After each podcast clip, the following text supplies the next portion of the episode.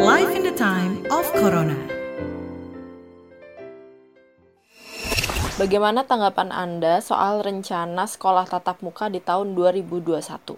Aduh, kayaknya saya belum setuju ya, karena begini, saya belum trust dengan orang lain. Mungkin ketika anak saya sekolah, saya bisa menyiapkan masker, face shield, hand sanitizer, semuanya lengkap. Tapi orang lain bagaimana? Kalau saya sih nggak setuju ya, karena anak-anak ketika sama orang tuanya, misalnya anak saya, itu harus selalu diingetin jangan dilepas maskernya, jangan dipegang-pegang maskernya. Gimana kalau misalnya di sekolah yang guru juga kan punya keterbatasan. Kalau aku sih sebagai orang tua ya kurang setuju mbak. Masih belum aman, keluarga saya ada yang kena juga soalnya. Setuju, tapi untuk anak SMA, SMP yang SD jangan dulu lah sama anak TK. Setuju, karena anak sudah mulai uh, apa boring ya, mereka juga merindukan sekolah, ketemu teman-teman, terus sama apa beda sih interaksi pelajaran di rumah gitu cara belajar di rumah sama di sekolah itu pasti beda sekali ya. Iya setuju. Tapi gini setuju juga tergantung dari status zonanya ya. Karena juga sudah hampir satu tahun kan anak-anak belajar daring gitu kan. Secara psikologi secara semangat juga turun banget gitu kan. Life in the time of Corona. Halo, Anda sedang mendengarkan podcast Live in the Time of Corona. Podcast yang akan membantu kita menavigasi hidup bersama pandemi COVID-19. Dan di episode kali ini bertemu lagi dengan saya Ines Nirmala. Tadi kita kan udah dengar beberapa pendapat orang tua soal sekolah tatap muka yang akan mulai dilakukan tahun 2021 mendatang. Ada yang setuju, ada juga yang nggak setuju. Di sisi lain, jumlah pasien COVID di Indonesia itu masih terus meningkat. Melihat data tersebut, apakah Indonesia bisa dikatakan siap untuk melakukan sekolah tatap muka? Nah, gimana nih ya? Lagian ternyata juga banyak anak-anak sekolah yang katanya mereka mulai kangen gitu suasana sekolah. Tapi gimana? Bersekolah tatap muka di masa pandemi?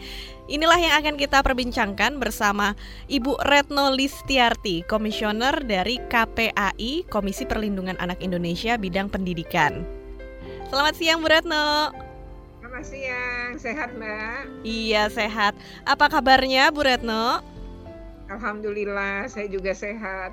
Senang sekali Bu Retno sudah bisa hadir bergabung di podcast Live in the Time of Corona. Kita ini mau ya. memperbincangkan soal sekolah tatap muka yang oleh pemerintah ya. sendiri uh, sekolah tatap muka ini akan mulai berlangsung di semester ke depan yaitu di tahun 2021.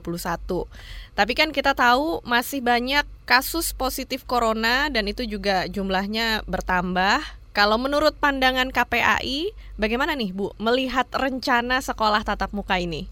Ya, pertama memang uh, ini kan pandemi sudah 9 bulan ya. Hmm. Ketika kita sudah hidup dengan pandemi 9 bulan, memang kemudian uh, kita melihat pembelajaran jarak jauh ini memang juga menimbulkan banyak masalah. Selain itu pemerintah nampaknya juga tidak mampu ya secara signifikan memperbaiki kualitas pembelajaran jarak jauh pada fase pertama sebelum kenaikan kelas sampai kepada fase kedua. Nah, pada fase kedua ini anak-anak kan naik kelas ya. Ketika yeah. dia naik kelas, untuk SMP dan SMA misalnya, yang pembelajarannya cukup uh, sulit, mereka ini uh, dicampur lagi kan biasanya tidak pada kelas yang sama. Jadi mereka punya wali kelas baru, punya guru-guru yang baru, dan punya teman-teman yang juga baru. Artinya belum tentu mereka itu akrab antara satu dengan lain. Karena komunikasi melalui daring setidaknya adalah harus ada keakraban. Nah pada PJJ fase pertama mereka udah 9 bulan ketemu. Jadi kalaupun bertanya-tanya gitu ada masalah itu uh, mereka familiar. Tapi ketika sudah naik kelas itu berbeda. Yang kedua, tekanan paling tinggi adalah pada anak kelas yang paling atas. Jadi kelas 6, kelas 9, kelas 12 itu memiliki tekanan yang lebih karena mereka akan menghadapi ujian sekolah. Jadi ini yang memang problem ini yang kemudian mendorong pemerintah berpikir ya uh, untuk melakukan relaksasi kembali terhadap SKB 4 Menteri. Namun ini kan sebenarnya ada kekeliruan persepsi Mbak di masyarakat. Karena sebenarnya yang dimaksud pembelajaran jarak jauh dan pembelajaran tatap muka jadi buka sekolah di 2021 tuh bukan semuanya belajar tatap muka. Jadi tetap aja PJJ-nya dilakukan. Jadi pembelajaran tatap muka ini ada untuk mengatasi kebuntuan terkait PJJ di mana materinya sulit. Jadi nanti kalau pembelajaran tatap muka itu adalah materi yang praktik. Misalnya SMK. SMK ini mau ujian sementara mereka skill, mereka kan harus praktik. Praktikum bengkelnya nggak bisa dipindahin ke rumah. Jadi untuk mereka memang mau tidak mau kita tetap harus membuat mereka pada semester depan itu praktik gitu ya. Kalau tidak mereka jadi tidak siap pakai. Yang kedua adalah anak-anak pada level atas tadi. Mereka itu materinya kan sudah sulit. Jadi ada materi-materi yang tidak bisa didaringkan. Jadi sebenarnya pembelajaran tatap muka kelak itu paling anak seminggu sekali ke sekolah. Paling banyak seminggu dua kali. Pembelajaran jarak jauhnya tetap nanti akan melalui proses-proses yang namanya uji coba dan KPAI akan melakukan rekomendasi itu dalam rapat koordinasi dengan pemerintah ya dengan kementerian-kementerian terkait KPAI sudah menyampaikan bahwa tidak bisa dilakukan pada semua jenjang harus pada jenjang SMA, SMK dan SMP dulu. Yang kedua tidak bisa dilakukan pada semua kelas. Jadi harus kelas atas dulu. Lalu kemudian kami minta jangan kasih tugas lagi kalau di sekolahan. Di sekolah itu untuk ngebahas materi yang sangat sulit dan untuk praktik. Nah, itu yang sebenarnya rambu-rambu kita berikan. Tanggal 30 November nanti KPAI akan rapat koordinasi nasional dengan seluruh kementerian terkait plus dinas-dinas pendidikan di berbagai daerah. Jadi kami undang kabupaten, kota eh, dan juga provinsi melalui daring. Nah, kami di situ akan membuat sebuah rekomendasi yang dipahami bersama agar daerah tuh jangan main ngelepasin aja. Jadi pemerintah ini, pemerintah pusat ini kalau menyerahkan ke daerah agak repot karena daerah yang peduli itu tidak banyak. Itu, Mbak. Iya, betul. Karena memang setelah adanya kebijakan yang memperbolehkan untuk masuk sekolah ini juga diserahkan ya kebijakannya ke Pemda atau ke sekolah dan juga ke orang tua murid. Nah, tadi ya. uh, Bu Retno juga udah uh, memberikan rekomendasi nih seperti apa bagusnya sekolah tatap muka ya Bu ya. Setahu saya juga nih KPAI sudah melakukan survei ya Bu soal kesiapan sekolah dalam melakukan tatap muka dan hasilnya mayoritas belum siap melakukan sekolah tatap muka. Apakah hasil survei ini bisa menggambarkan juga kondisi-kondisi yang ada di eh, daerah-daerah uh, di seluruh Indonesia? Ya, walau kami uh, tidak datang ke semua sekolah dan semua daerah ya, tapi setidaknya ini adalah sampel.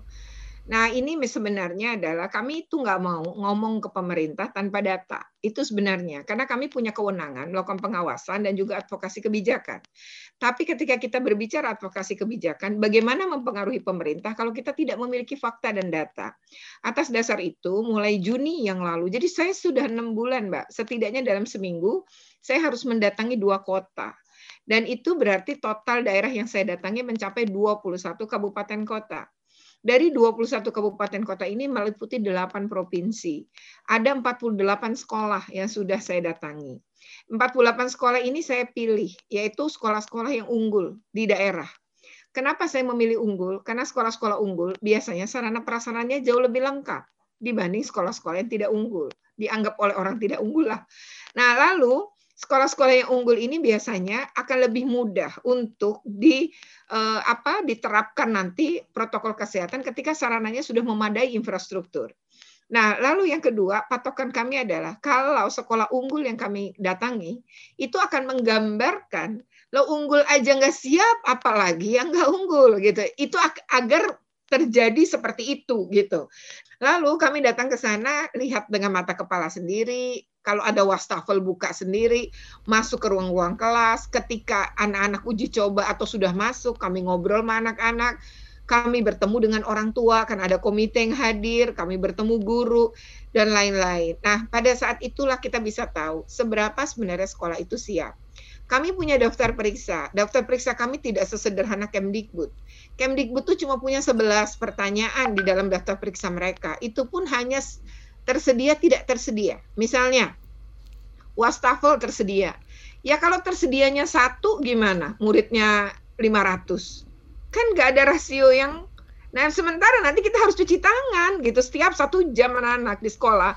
Nah, artinya ini membahayakan kalau kejadian seperti itu. Nah, Kemdikbud itu tidak bicara rasio. Lalu termogan misalnya satu, lah muridnya berapa? Nanti ngantri dong ketika masuk sekolah Misalnya datang murid 200, kemudian termogramnya satu, ya kerumunan dong. Nah, itu yang kami meminta itu tidak terjadi. Ya, kemudian kami juga mempertimbangkan, misalnya soal protokol kesehatan atau SOP. Ya, sekolah rata-rata udah bikin. Misalnya ketika saya tanya, apakah ada protokol kesehatan? Ada tiga biasanya. Datang ke sekolah, selama di sekolah, pulang sekolah. Itu saja protokolnya. Sementara selama di sekolah emang ngapain? Kan banyak hal yang dilakukan. Mulai dari misalnya mereka ke, ke tata usaha, ada layanan BK, ada layanan perpustakaan, ada. Nah ini kalau diakses anak-anak, apakah juga pakai protokol kesehatan? Lalu anak yang datang dari yang datang dari rumahnya ke sekolah naik kendaraan umum, saya tanya dipetakan nggak berapa jumlah anak yang naik kendaraan umum? Tidak gitu, mereka tidak memetakan. Memang apa untuk kepentingan apa anak yang naik kendaraan pribadi dengan anak naik kendaraan umum harus kita bedakan SOP-nya. Jadi nanti protokol kesehatan SOP-nya adalah mereka tidak pakai seragam waktu berangkat. Mereka begitu nyampe, mereka harus cuci tangan, diukur suhu, uh, didisinspektan pakaian dan uh, apa tas serta uh, sepatu, lalu masuk ruang ganti, lalu ganti seragam. Ketika udah ganti seragam dan ganti masker, baru masuk kelas Nah, yang kayak gini-gini nggak terpikirkan gitu. Nah, dari 48 sekolah, kami mengkategorikan empat. Sangat siap, siap, belum siap, dan tidak siap. Untuk yang sangat siap, itu hanya dua, yaitu SMK Negeri 11 Kota Bandung dengan SMP Negeri 4 Kota Solo. Lalu ada siap, siap itu hanya ada lima. Nah, selebihnya 41 belum siap. Nah, apa yang mesti dipersiapkan mulai dari infrastruktur, protokol, tidak cuma itu, tapi bagaimana anak-anak dan orang tua juga siap dengan protokol kesehatan. Sosialisasi dilakukan nggak sama sekolah? Kemudian sejauh apa sosialisasi itu? Kemudian uji coba dilakukan nggak? Uji coba nggak boleh setengah murid, tapi harus seperempat murid agar kita bisa ngedidik anak-anak untuk patuh pada protokol kesehatan. Kenapa kita meminta di kelas atas? Kalau kelas atas pak patuh, baru buka kelas di bawahnya karena kakak kelas ini yang harus nyontohin adik-adiknya dan ikut menjadi mata-mata. Maksudnya mata-mata itu adalah mengawasi juga adik-adiknya agar patuh. Karena kalau itu tidak dilakukan, maka kita sama dengan mempertaruhkan nyawa anak-anak kita. Jadi kalau udah nggak dilihat zona, kan tadi pakai zona, zona kan itu resiko ya. Kalau memang zona sudah tidak lagi menjadi penentu, berarti penentunya adalah kesiapan. Kesiapan sekolah. Kalau zonanya hijau tapi sekolahnya nggak siap, nggak usah dibuka. Bahaya nanti untuk anak-anak.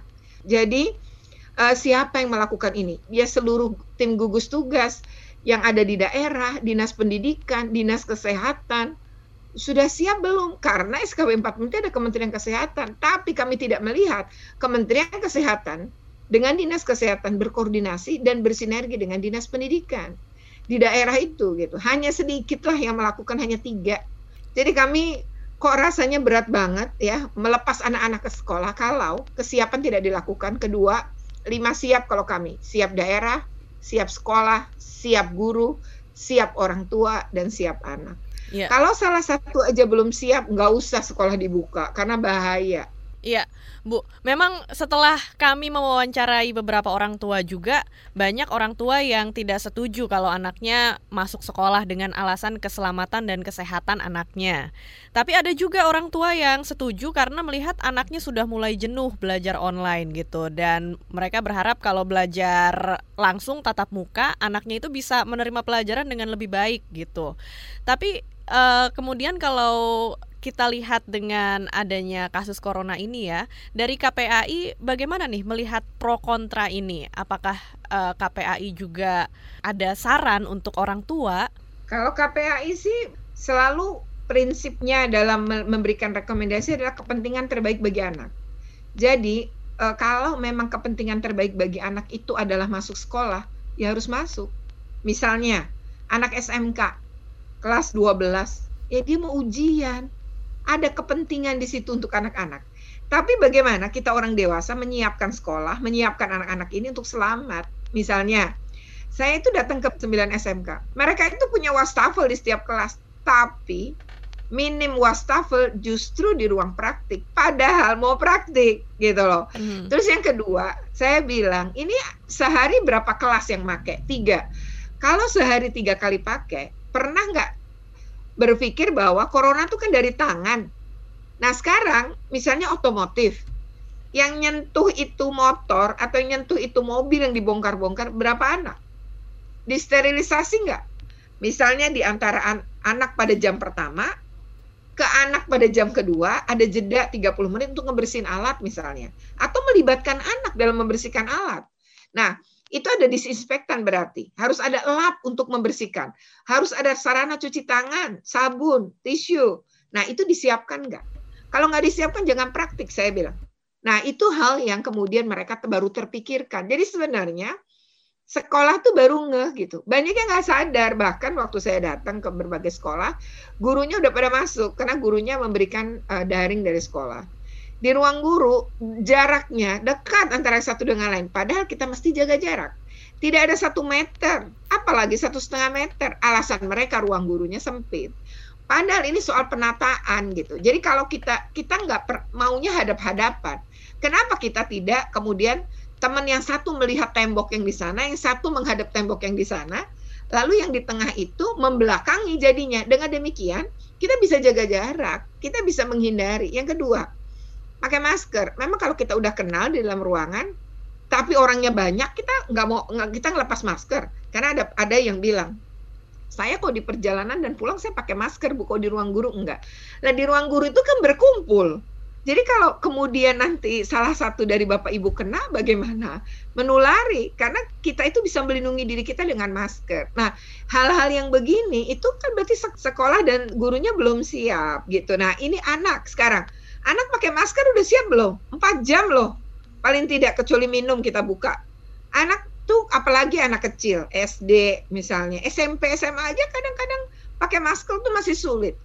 Nah, berarti dilatih dulu sekarang di rumah. PJJ nih ya, kamu nanti Januari akan sekolah. Jadi kita latihan pakai masker ya, Nak. 15 menit hari hari pertama, besok kita tambahin 5, besok 5 lagi. Tapi saat ngajarin mamah papahnya juga pakai masker. Jadi kita semua pakai masker. Karena anak SD itu kan, lo kok hanya aku yang maskeran, kenapa mama papa enggak? Nah, jadi kita semua harus bermasker ketika mendidik anak-anak. Udah siap belum? Kalau belum ya jangan gitu. Jadi kalau KPAI tidak keberatan asalkan tadi hitungannya sudah disiapkan. Kedua adalah hanya belajar yang sulit dan yang praktik saja. Ya, PJJ tetap berjalan, jadi namanya blended ya, di, di, di, dicampur gitu ya pembelajarannya. Lalu kami juga meminta supaya tadi daerah dan pemerintah pusat ini nggak boleh ngelepas ke, diserahkan kepada daerah. Bagaimana daerah yang nggak peduli? kami berharap ada politik anggaran untuk mendukung sekolah, menyiapkan infrastruktur karena dari lapangan yang saya tahu biayanya tuh nggak kecil dan sekolah-sekolah yang masuk kategori siap dan sangat siap itu mendapat dukungan anggaran dari orang tua dan dari daerah.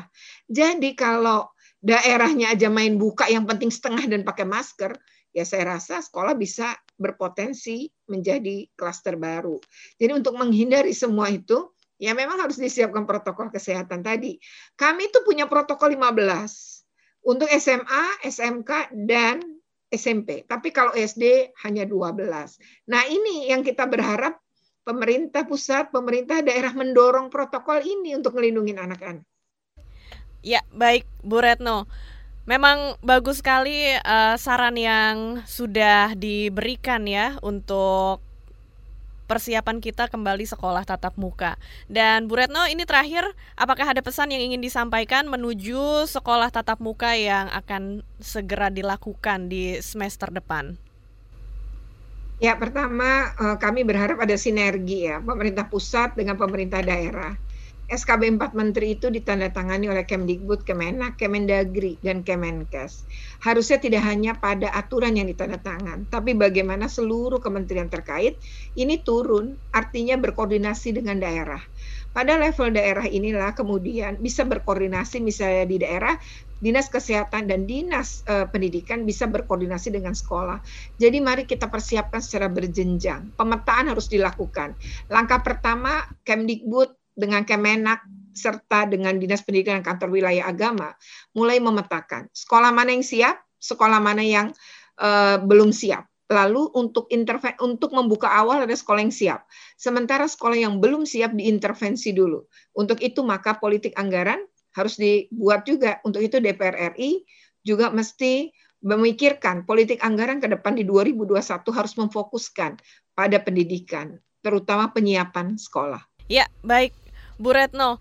Terima kasih sudah hadir di podcast Live in the Time of Corona. Saya pikir ini sangat bermanfaat apa yang disampaikan oleh Bu Retno selaku komisioner KPAI dan mudah-mudahan apa yang menjadi saran dari KPAI ini bisa dipakai juga bersama dengan pemerintah dalam mempersiapkan infrastruktur dan sekolah tatap muka di masa pandemi ini.